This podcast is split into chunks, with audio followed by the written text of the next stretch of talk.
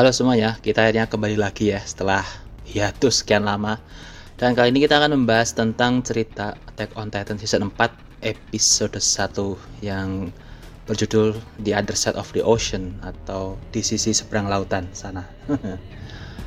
Oke, uh, sebelumnya setelah saya ingin menyatakan bahwa setelah 16 bulan berturut-turut saya mengikuti Attack on Titan dari season 1 akhirnya saya sampai juga menyusul teman-teman lainnya masuk ke season 4 episode pertama atau dalam urutan dia masuk ke episode 60 ya. 16 bulan berturut-turut. Jadi ya lumayan lama sih.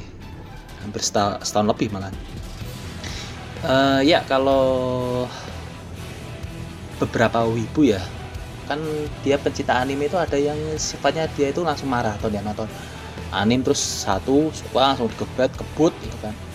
Nah kepala saya itu agak pusing kalau nonton anime dengan cara kayak gitu ya. Jadi langsung nonton 5, 10, 16 biasanya nonton lagi 10 lagi di maraton lah istilahnya ya. Sambil ini kan apa biasanya tuh lengkapnya tuh order GoFood gitu kan. Ordernya GoFood ya terus maraton nonton film bisa biasanya gitu kan. Anime atau mungkin kalau pecinta drakor drakor gitu. Kemudian uh, kalau sudah tamat nyari yang baru lagi apa gitu kan. Nah nggak uh, tahu ya dari itu, kepala saya tuh sering pusing kalau apa ya melakukan maraton-maraton kayak gitu. Entah kenapa tuh kayak gak nyaman gitu. Isi kepala tuh kayak gak nyaman. Dan nggak tahu mungkin ini kelainan atau apa jadi saya tuh kalau nonton itu biasanya satu-satu ya. Satu di jadwal ya. Seminggu lagi satu lagi satu lagi ya terserah mau bilang uh, kelamaan atau old school tapi kenyataannya sekarang sudah equal kan sama kalian semua. Saya selalu mempercayai bahwa konsistensi itu akan selalu menang mengalahkan mereka yang banyak tapi maraton. Sedikit-sedikit konsisten akan selalu menang melawan mereka yang maraton tapi kemudian lupa semuanya. Uh, sebagaimana hadis Nabi ya. Rasul atau Islam itu mengajarkan sesuatu yang sedikit-sedikit tapi istiqomah ya. Ini malah bahas kuliah agama ya. Oke, kita kembali lagi ke tema ya. Salah satu pertanyaan besar yang menggantung pada para pecinta Attack on Titan adalah seberapa hebatkah, seberapa tangguhkah ya. Mapa Studio ini bisa menggantikan peran WIT Studio yang telah melambungkan Attack on Titan animenya di season 1 sampai 3. Seberapa hebatkah Mapa bisa meneruskannya ya? Jadi kalau seperti kita tahu bahwasanya WIT Studio ini kan uh, sudah berjasa ya dalam melambungkan Attack on Titan di season 1, 2, 3 bahkan beberapa film OVA-nya saya juga nonton tuh OVA OVA-nya ada 8 ya ditambah 4 film The Movie ditambah ada lagi Junior High School yang set story-nya itu ada 11 jadi oh, lengkap semua. Saya udah nonton 4 movie padahal itu movie-nya cuma recap loh. Saya tonton juga nggak tahu kenapa dan dijadwal juga gitu setiap minggu satu movie. Padahal punya recap ya. Ya ini selera sih sebenarnya. Nah seberapa hebatkah Mapa ini menggantikan Wit? Karena Wit ini sudah membuat suatu apa ya? Motion motion atau gerakan-gerakan atau uh, audio, kualitas audio, kualitas intonasi dan kualitas tampilan videonya, kualitas uh, pencahayaan dalam cerita animnya itu sehingga sedemikian rupa sehingga uh, dia membawa Attack on Titan ini berada di level liga berbeda gitu. Dia different league gitu. Karena ya dia agak seperti anim lain gitu. Jadi kayak, kayak kita tuh nonton suatu anim yang apa ya pendekatannya itu berbeda itu. Berada di alam baru gitu Mapa apakah bisa meneruskan itu? Ini yang menjadi masalah besar ya. Karena Wit Studio ini kan dia sebenarnya hanya host production ya atau rumah studio yang sangat kecil, nggak nggak besar lah. Ibaratnya dia kayak balai gitu kan. Sementara Mapa ini kan studio lebih besar gitu. Lebih banyak staff-staffnya, lebih banyak anggota-anggotanya gitu. Jadi dia lebih semacam pusat pusat pusat perkartunan ya atau pusat pusat broadcasting ya. Jadi dia lebih pusat pendidikan broadcasting. pusat penayangan broadcasting gitu. Sementara WIT ini kayak kayak balai kecil gitu. Dan ketika kita lihat kemarin ya di episode pertama jawabannya ya dia bisa menggantikan WIT Studio. Dan bagus cukup memuaskan. Nilainya itu meskipun belum 10 tapi dia sudah 9 lah kalau kita lihat kemarin ya di episode pertama itu. Ya karena baru satu episode ya kita belum melihat banyak beberapa episode ke depan ya.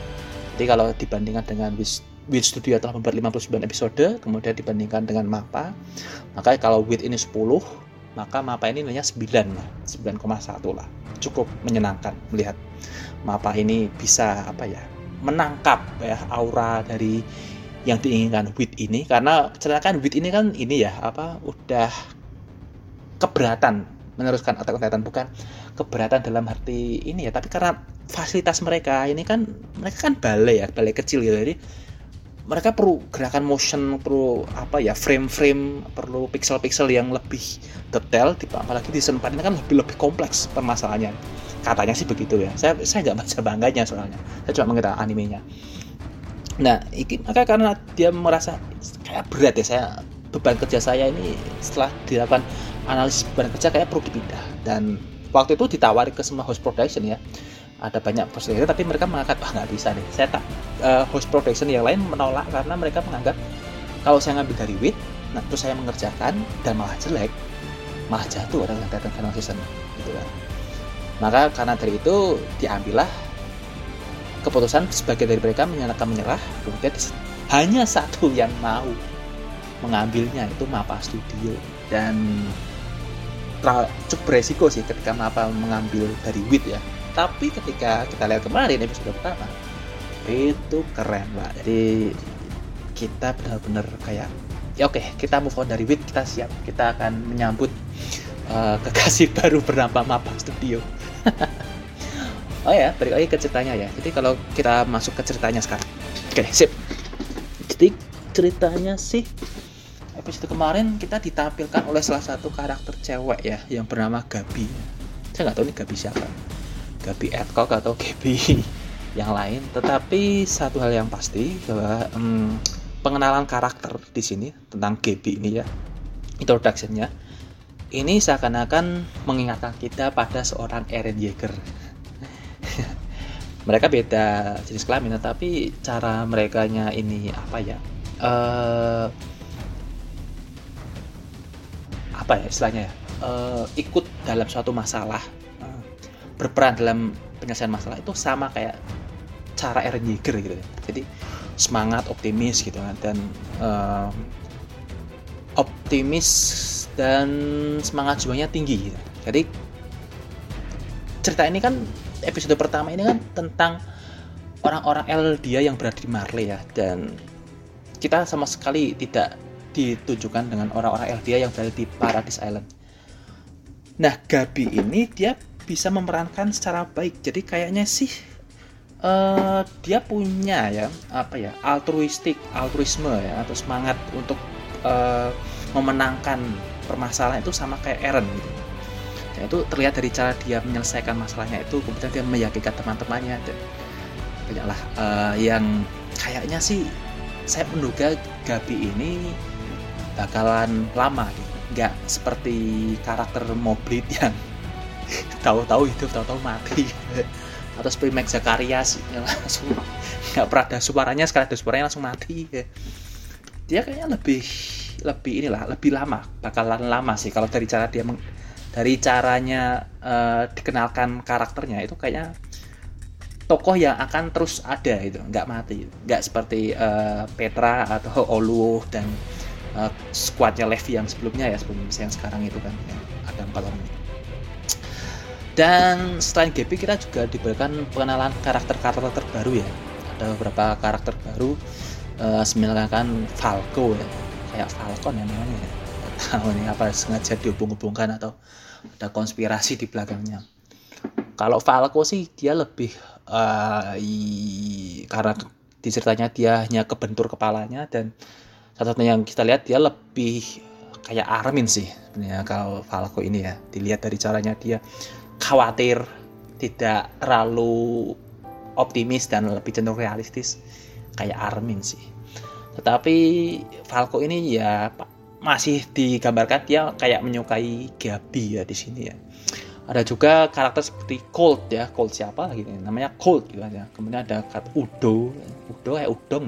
Udong makanan Udo siapa? Uh, kemudian ada Magat. Magat ini kan sersannya. Sersan atau serma atau mayor ya? Nggak tahu mau jadi kira Kopassus malah oke jadi ada Magat ya komandan lah komandan Magat. Dan komandan Magat ini namanya kayak Jerman ya. Saya ingatnya ke ini pelatihnya mantan pelatihnya Munchen ya Felix Magath wajahnya sama loh kalau diperhatikan oke balik lagi ya ke ceritanya ya. Jadi beberapa pengenalan karakter baru di cerita ini yaitu tentang uh, orang-orang Eldia yang hidup di daerah Marley ya. Ada Colt, ada Gabi tadi, ada Falco, ada Magat ya. Magat ini orang Marley ya, bukan orang Eldia. Kalau dari caranya dia mm, apa menanggapi uh, komunikasi dengan orang-orang di sekitarnya dia kelihatan orang Marley. Kemudian siapa lagi ya? Hmm, Colt Gabi kemudian Udo kemudian ada ya ada semacam percakapan ya jadi antara Galiard itu dia kalau dari apa narasi yang diucapkan dia adalah Joe Titan. Joe Titan adalah Galiard gitu. Dan ah ini ini Pak. Kalau Joe Titan adalah Galiard, maka ya kemungkinan besar Galiard jadi pure Titan kemudian dia memakan Joe Titan sebelumnya yaitu Ymir. Kemungkinan besar Ymir mungkin sudah mati ya di sini ya.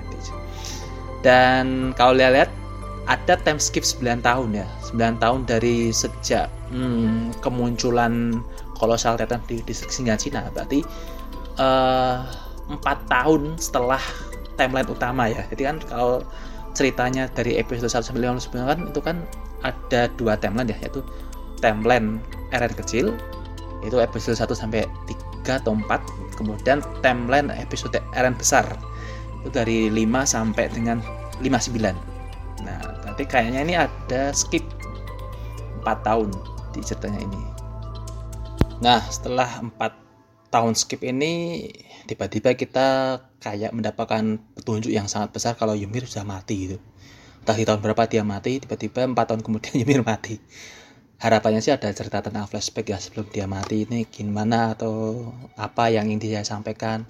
Kita hanya dapat dia ngirim surat ke Historia dan di independen gitu aja setelah itu nggak tahu gimana dia matinya jadi kemungkinan besar mati dan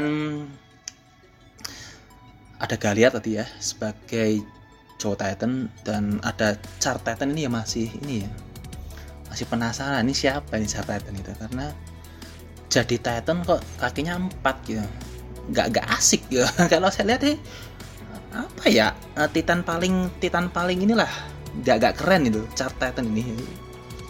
Jadi Titan tapi malah kayak ini komodo ya.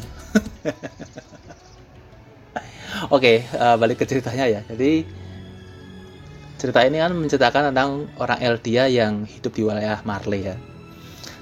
Dan nasib mereka ternyata tidak lebih baik daripada orang-orang Eldia sebelumnya ya maksudnya orang-orang LDA yang hidup di distrik di Singgansina atau hidup di Paradise Island mereka juga sama mereka ini hidupnya nggak nggak nggak semulus itu gitu mereka ini di wilayah Mare ternyata dijadikan kayak apa ya kalau dari ceritanya Grisa Yeager di season 3 episode 20 sampai 22 kan mereka dikumpulkan di kayak ini ya apa wilayah konsentrasi ya jadi uh, Liberio yang kalau diperhatikan sih ini kayak mengambil sejarah dari kampung Auschwitz ya di Perang Dunia Kedua ya. Jadi Perang Dunia Kedua Jerman membuat kampung Auschwitz. Di situ dia menampung beberapa orang di sana. Dan ini nasib mereka ternyata dijadikan tentara dan men tentara men. Dan mereka harus disuruh perang gitu. 800 orang Eldia diminta perang. Jadi mereka ditahan dimasukkan oleh Berio dan mereka digunakan Marley kalau dibutuhkan. Dan Marley ini kan ini ya sedang perang melawan wilayah aliansi Timur Tengah dan mereka menggunakan Eldia sebagai pasukan mereka. Diceritakan 800 orang Eldia yang hidup di tanah Marley dijadikan prajurit untuk mengalahkan aliansi Timur Tengah. Uh, nyatanya ini ya agak menakutkan karena anak kecil disuruh perang gitu di situ nah, kayak Gaby kayak Falcon masih kecil-kecil tapi disuruh perang gitu. Langsung mengangkat senjata. Dimak jadi um, kalau diminta jadi pekerja ya banyak macul atau macul menyangkul sawah membuat parit atau sebagainya masih menyiksa tapi tidak terlalu tidak terlalu berbahaya lah. Ini kan dia dijadikan um, prajurit perang gitu. Ini perang pak. Perang ini kan iya kalau nggak mati ya cacat atau menang tapi kamunya nggak bakal dapat nama gitu kan? Jadi, perang prajurit kan gitu. Prajurit perang itu kalau dia menang dia nggak dapat nama. Kalau dia selamat mungkin dia cacat. Kalau dia kalah dia mati. Tembak langsung. Mati pak. Jadi ini uh, menakutkan gitu. Disuruh perang kayak gini. Nah, ini yang menarik. Mereka mengalahkan aliansi timur alia, aliansi timur tengah di benteng Slava. Dan kalau dilihat sih dari caranya tentara-tentara Slava berpakaian, ini kayaknya mereka mengingatkan kita kepada uh, kekaisaran Ottoman ya. Jadi pasukan prajurit-prajurit Ottoman zaman Turki dulu model-model seragamnya sama nih sama prajurit benteng Slava itu ini beda ya ini apa prajurit Ottoman itu beda sama prajurit Janisari ya apalagi Janisari terakhir. Itu lagi. Dan uh, peperangan ini benar-benar menggambarkan situasi perang menurut saya. Karena mapa ini bisa kayak apa ya? Kalau teman-teman suka film perang uh, nggak fanatik nggak, usah fanatik film perang. Cuma suka nonton film perang sering nonton film perang. Kemudian nonton episode ini. Itu kita dapat filmnya loh. Film perangnya itu dapat tentang strategi masuk ke parit dari parit kemudian maju menyerang benteng yang letaknya di atas dataran tinggi. Itu benar-benar ini loh apa uh, dapat lah beberapa istilah-istilah perangnya itu kita dapat lempar granat dan sebagainya itu enak. Jadi kita dapat gitu. Ini perang ya perang. Kita bisa menerima uh, penggambaran apa bahwa ini perang. Perang memperebutkan wilayah yaitu benteng kelapa itu. Dia dapat di situ. Keren sih apa bisa bisa menggambarkannya. Suara-suara apa uh, pelurunya dapat suara-suara ledakannya dapat. Kemudian teriakan-teriakannya juga wah mantap lah. Good job apa uh, dan di sini kita dimunculkan lagi ya dengan dua karakter yang klasik yaitu Zeke Yeager dan Rainer Brown. Uh, Rainer ini kalau dilihat wajahnya ya setelah sekian 4 tahun kok kayaknya sih makin putus asa gitu. Bukannya jadi dia tuh nggak tahu ya sejak dia mereveal kalau dia adalah Armor Titan ke Eren dan kawan-kawan. Ekspresi wajahnya tuh kayak dia tuh kayak merasa bersalah kayak putus asa gitu jadi beda sama Bertot yang masih ada jiwa pejuangnya Eren kayak kayak mati sa mati enggan mati enggan. Hidup enggan mati tak mau gitu. Jadi kayak ya ini. Tapi di sini ya ini yang menarik ya. Jadi kalau sebelumnya ya uh, ceritanya tentang Partis Island dan sekarang ceritanya tentang Marley wilayah Marley. Itu sama-sama diawali dengan satu tokoh bermarga sama yaitu Brown. Jadi kalau awal cerita Attack on Titan yang menceritakan distrik Singgansina di wilayah Paradis itu juga di apa ya buat diawali sih dibumbui ya dengan salah satu orang bermarga Brown. Masih tahu siapa? Ya dia adalah Moses Brown ya. Jadi uh, masih ingat scene ketika Kate Sadis pulang gagal dalam ekspedisinya. Kemudian ada ibu-ibu yang menangis mencari anaknya. Moses di mana Moses? Moses di mana? Kemudian ada seorang prajurit ngasih tangannya saja. Ini Moses. Moses hanya ada tangannya saja. Tek gitu. Nah itu ternyata namanya Moses Brown loh itu. Brown sama kayak Rainer.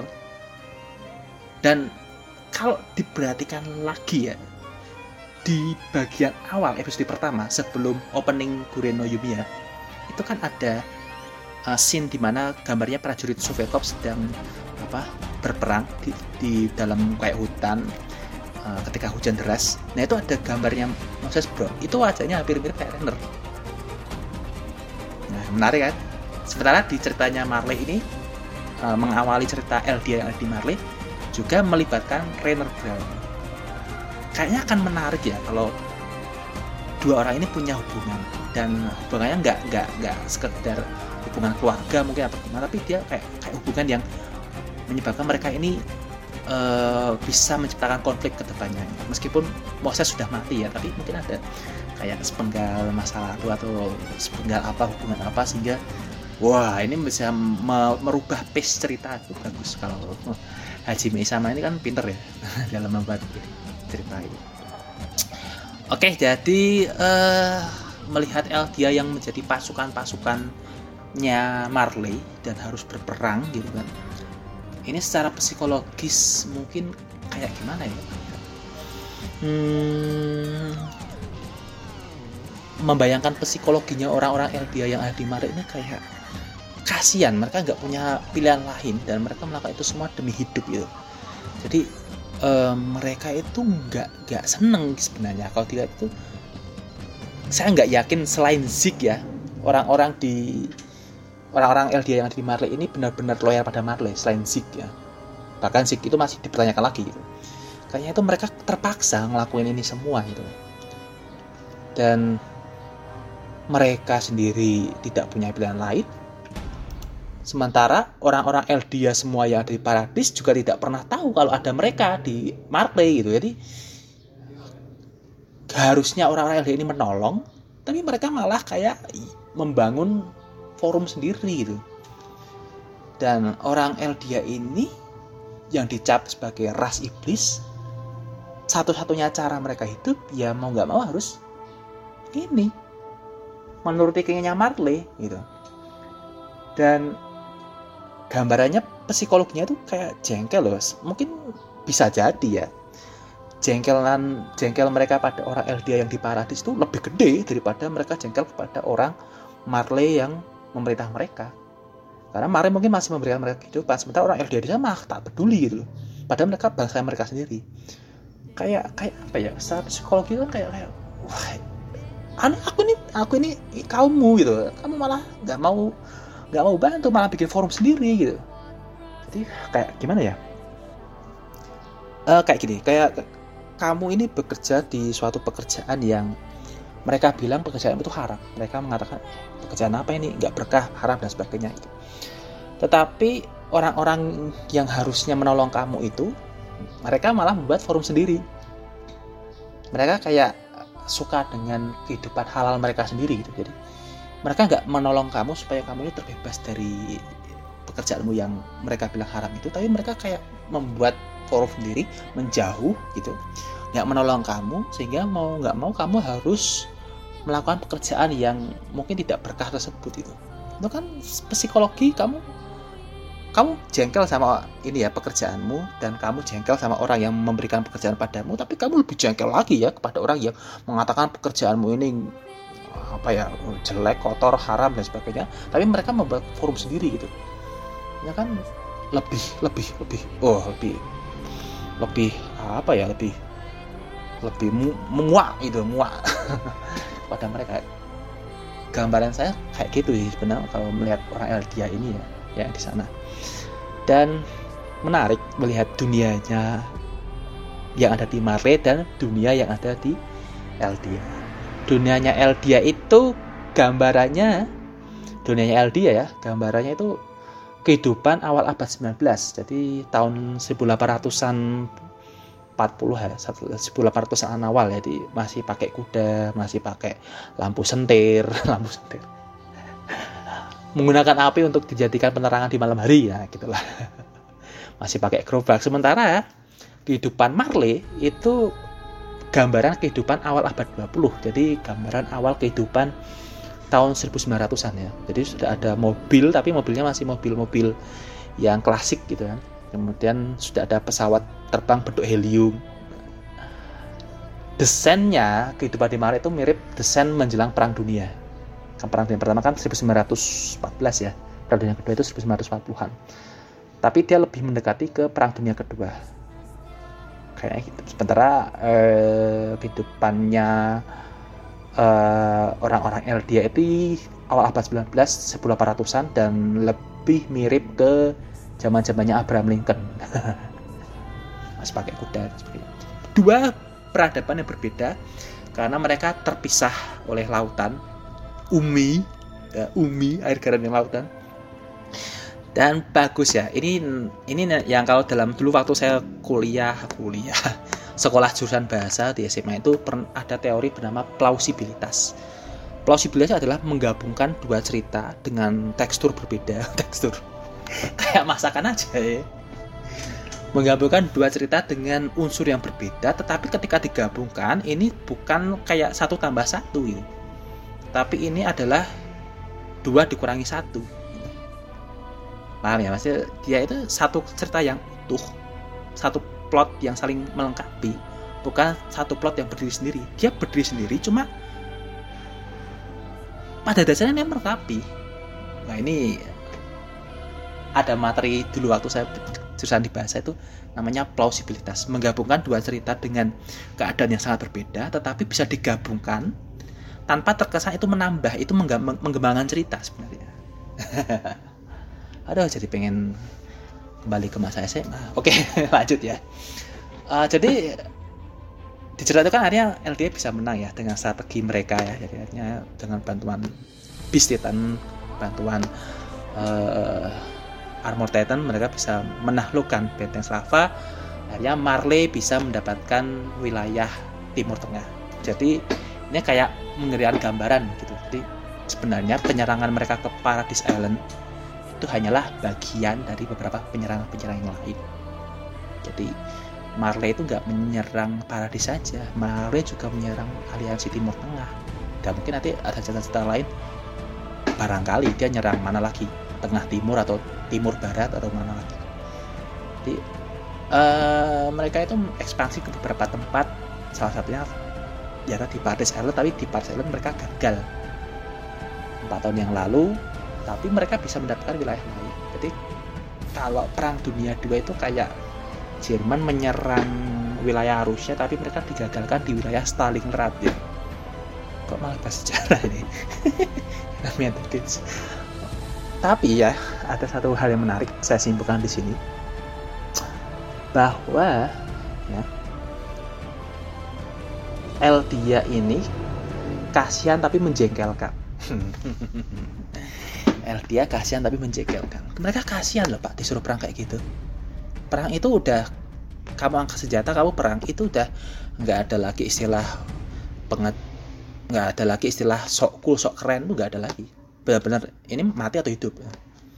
Nggak ada istilah sok laki eh, atau sok jantan. Ini yang jantan pun kalau ada kesempatan hidup dia lebih milih hidup gitu daripada mati. Kadang-kadang seperti itu. Psikologi perang itu kan benar-benar rata semua semua orang levelnya sama kecuali yang mereka punya tugas sebagai komandan dan sebagainya. Mereka menunggu perintah.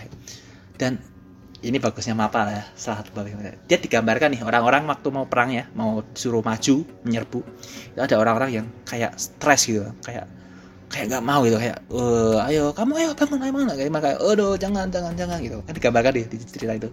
Mana ada yang membuka kayak jamnya jam jam atau cermin ya dia buka foto ini kayak buka foto keluarganya dulu sebelum dia maju perang. Ini kayak kayak kayak adegan Captain Amerika sebelum dia nyemplung ke lautan itu kan dia buka fotonya ini kan Peggy kan. Nah itu di, di, di Attack on kemarin juga ada. Dia buka kayak fotonya istrinya kayak dia buka gitu. Kemudian dia langsung maju perang gitu. Jadi dapat uh, feel feel secara personilnya itu uh, ini kasihan nih. Aldia ini benar-benar sebenarnya dia nggak mau perang tapi mereka ya gimana lagi mereka mundur juga bakal dibacok mar dibacok Marley dan hanya digambarkan dulu psikologi mereka ada takut ini ketakutan mereka nggak semua LDA itu pemberani kayak Gaby atau kayak Colt kayak Falco mereka ada juga yang yang aku aku sebenarnya cuma pengen hidup saja gitu. Ini bagian di situ. Tetapi pak mereka yang kasihan ya mereka itu kasihan kalau uh, mereka itu dijajah lah. Gitu mereka tuh benar-benar dijajah sama Marley di zona Liberio itu mereka dapat tempat tapi sebenarnya dijajah oleh Marley nah, dia ini kasihan dijajah sama Marley tapi menjengkelkan menjengkelnya apa? Ketika Eldia pindah ke Paradise Island mereka nyari tempat sendiri mereka membangun wilayah sendiri membagi menjadi Maria Rose Sina mereka juga nggak beda sama Marley gitu. Nah, mereka juga ini ya, yang kaya-kaya ya nyuruh-nyuruh orang. Ya. Polisi militer jaga di sini. Ya. Orang-orang yang LDA ini kayak ditindas sama LDA sendiri di Paris Island itu digambarkan dari sini sampai tiga. Di depan mereka itu benar-benar jomplang. Orang-orang di balik wall Sina dengan orang-orang yang berada di balik wall Maria itu bumi dan langit. Padahal orang-orang LDA sendiri jadi ketika Eldia ini ditindas kasihan ya, tapi ketika mereka merdeka, mereka menjajah Eldia sendiri. Nah, itu kalau teman-teman baca mangganya Before the Fall, kebetulan mangga atau konten yang saya baca cuma Before the Fall, itu benar-benar digambarkan sekali ya. Itu perbedaan antara orang-orang di Wall Sina, kemudian di balik Wall Mare itu jomplang banget, kelihatan, kelihatan banget. Yang mereka bisa pesta dansa di Wall Mare itu benar-benar wah makan aja susah gitu ya ini itu di Before the Fall sih Before the Fall kan ceritanya 70 tahun sebelum tahun timeline utamanya Eren ya 7, 83 tuh 70 tahun lah sebelum Eren lahir gitu. Itu lebih digambarkan bahwa dia itu sama dia saja dia menjajah loh padahal sudah sama-sama merdeka. Analogi kan analogi kayak kehidupan kehidupan sekarang gitu. Jadi kadang-kadang orang ya yang dijajah Marley kasihan tapi ketika merdeka di Paris Island LG ini malah jajah LG-nya sendiri.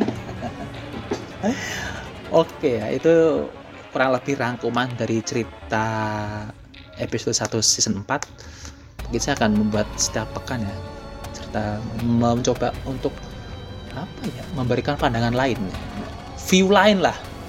Jadi kalau sekedar membahas jalannya cerita mungkin banyak lah para reviewer-reviewer lain sudah banyak melakukannya. Tapi kalau mencoba mengambil angle lain ini harus tidak semua orang ini loh sama loh beda-beda pasti. Nah, saya mencoba untuk memberikan satu angle yang berbeda itu entah berbeda atau sama yang sama juga.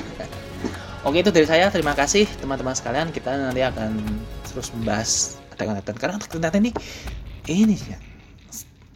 Excitementnya tuh saya terakhir kali excited itu sama Naruto loh. Habis itu saya nggak pernah excited lagi sama anime. Ya suka tapi nggak sama excited. Baru kali ini saya excited lagi oleh Attack on Titan 16 bulan saya lalui menonton satu persatu ya. Dari season 1 OVA-nya 8 movie recapnya 4 Junior High School yang 11 itu yang koplak. Dan wah oke kita kembali lagi di kesempatan berikutnya. Jaga kesehatan selalu. Sampai jumpa